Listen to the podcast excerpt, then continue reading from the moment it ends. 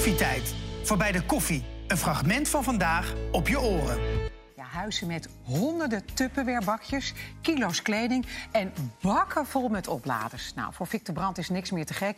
Het is allemaal weer te zien in het nieuwe seizoen van Je Huis op Orde... waar Victor en zijn team verzamelaars helpen...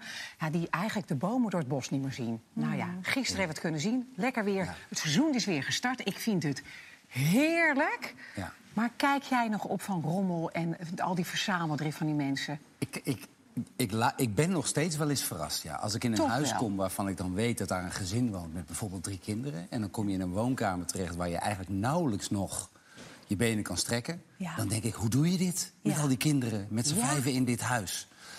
En als je dan om je heen kijkt en daar staat de gereedschapskist van papa... en daar is zijn treinenhobby en daar eh, mama is gek op de kringloopwinkel... en alles is vol, dan denk ik wel eens van jongens, kom op. En als jij daar zeg maar staat met jouw frisse ogen, schamen die mensen zich daar niet? Nee, en dat hoeft ook niet. Want dat, dat is het eerste wat ik namelijk wil zeggen. Dat ik ook echt heel trots ben en heel dapper ben op de mensen die bij ons in het programma meedoen. Want je geeft je op omdat je het echt zelf niet meer ziet zitten. Hè, want anders had je het op een zaterdagmiddag zelf wel gedaan. Maar je gaat wel met je billen bloot op televisie. Dus ik, ik zal ze altijd beschermen tegen... dus ik, maar ehm, ik zeg wel eens af en toe tegen ze van jongens, kom op. waarom waarom hebben jullie niet op een zaterdag gewoon tegen elkaar gezegd van... we gaan nu aan de slag. Ja. Maar die berg is dan toch letterlijk en figuurlijk gewoon te hoog geworden. Te hoog geworden. Nou, en dat, jullie trekken dat hele huis leeg. Ja. Dat stallen jullie uit in een loods. En dat ziet er dan zo uit. Vinden jullie het spannend, jongens? Ja? Ja. Zullen we dan maar? Ja. Goed zo. Dit zijn al jullie spullen. Oh, jee,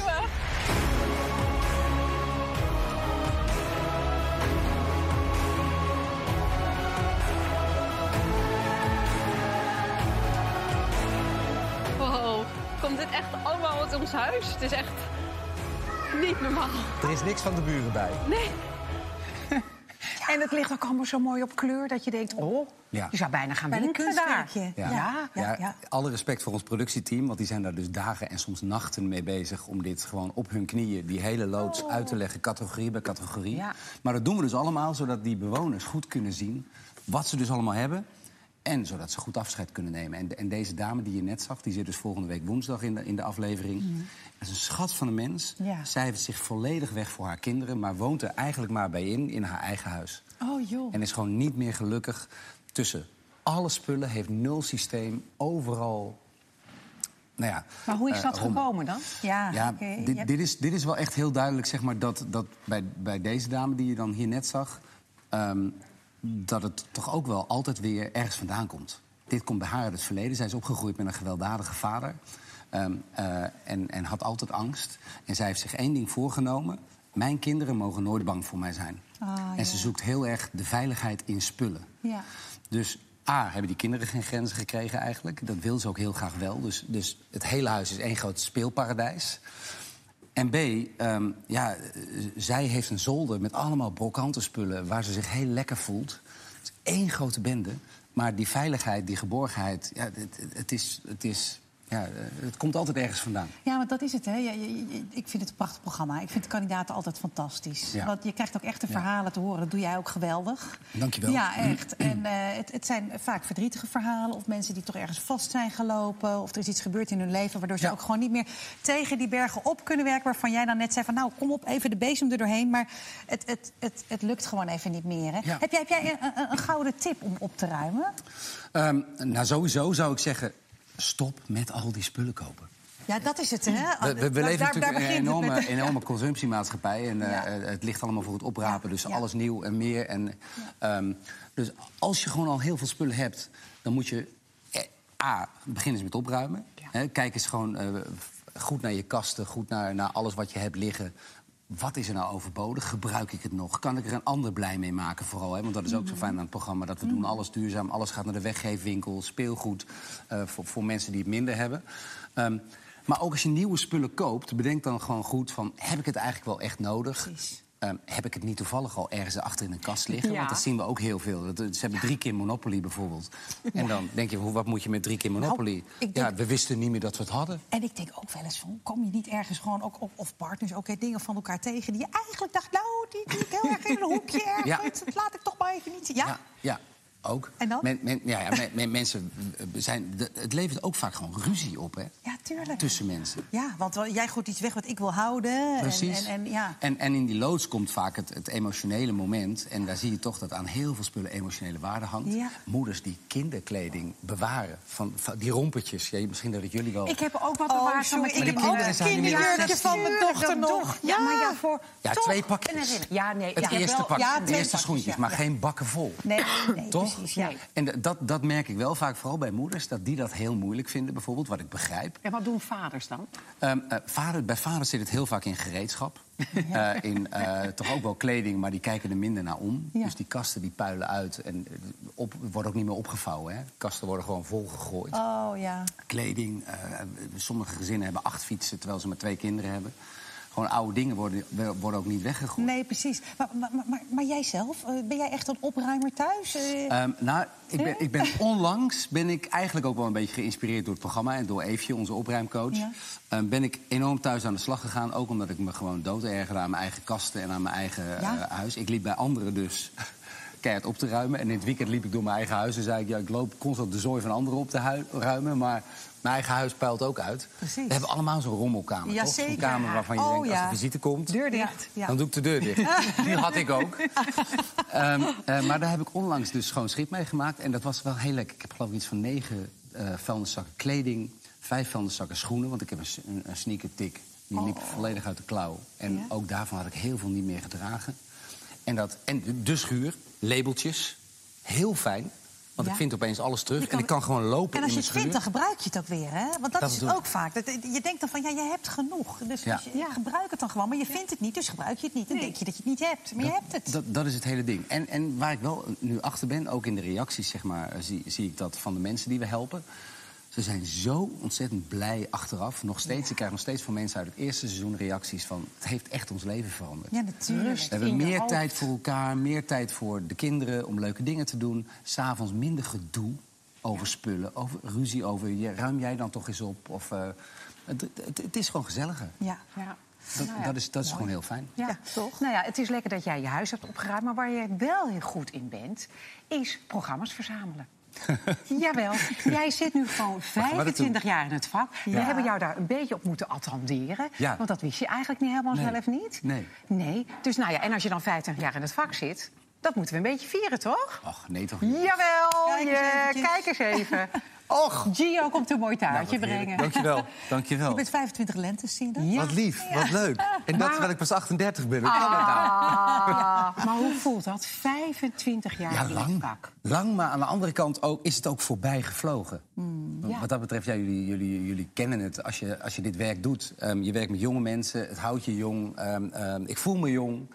Ehm, ehm, en, en ik ben gewoon eigenlijk vooral heel dankbaar dat je dit al zo lang mag doen. Ja, zeker. Ehm, want onze wereld is natuurlijk best een beetje weerbarstig. Eh, Zeker. en eh, dat we dit al zo lang eh, doen, dat vind ik hartstikke leuk. En ik ben er stiekem ook wel een beetje trots op. Nou, dat mag ook. Dus, eh, Zeker. En ik vind ook dat je steeds mooiere programma's bent gemaakt. Dus dat vind ik ook chapeau. Maar stel, dit was mislukt. Had je dan een plan B gehad?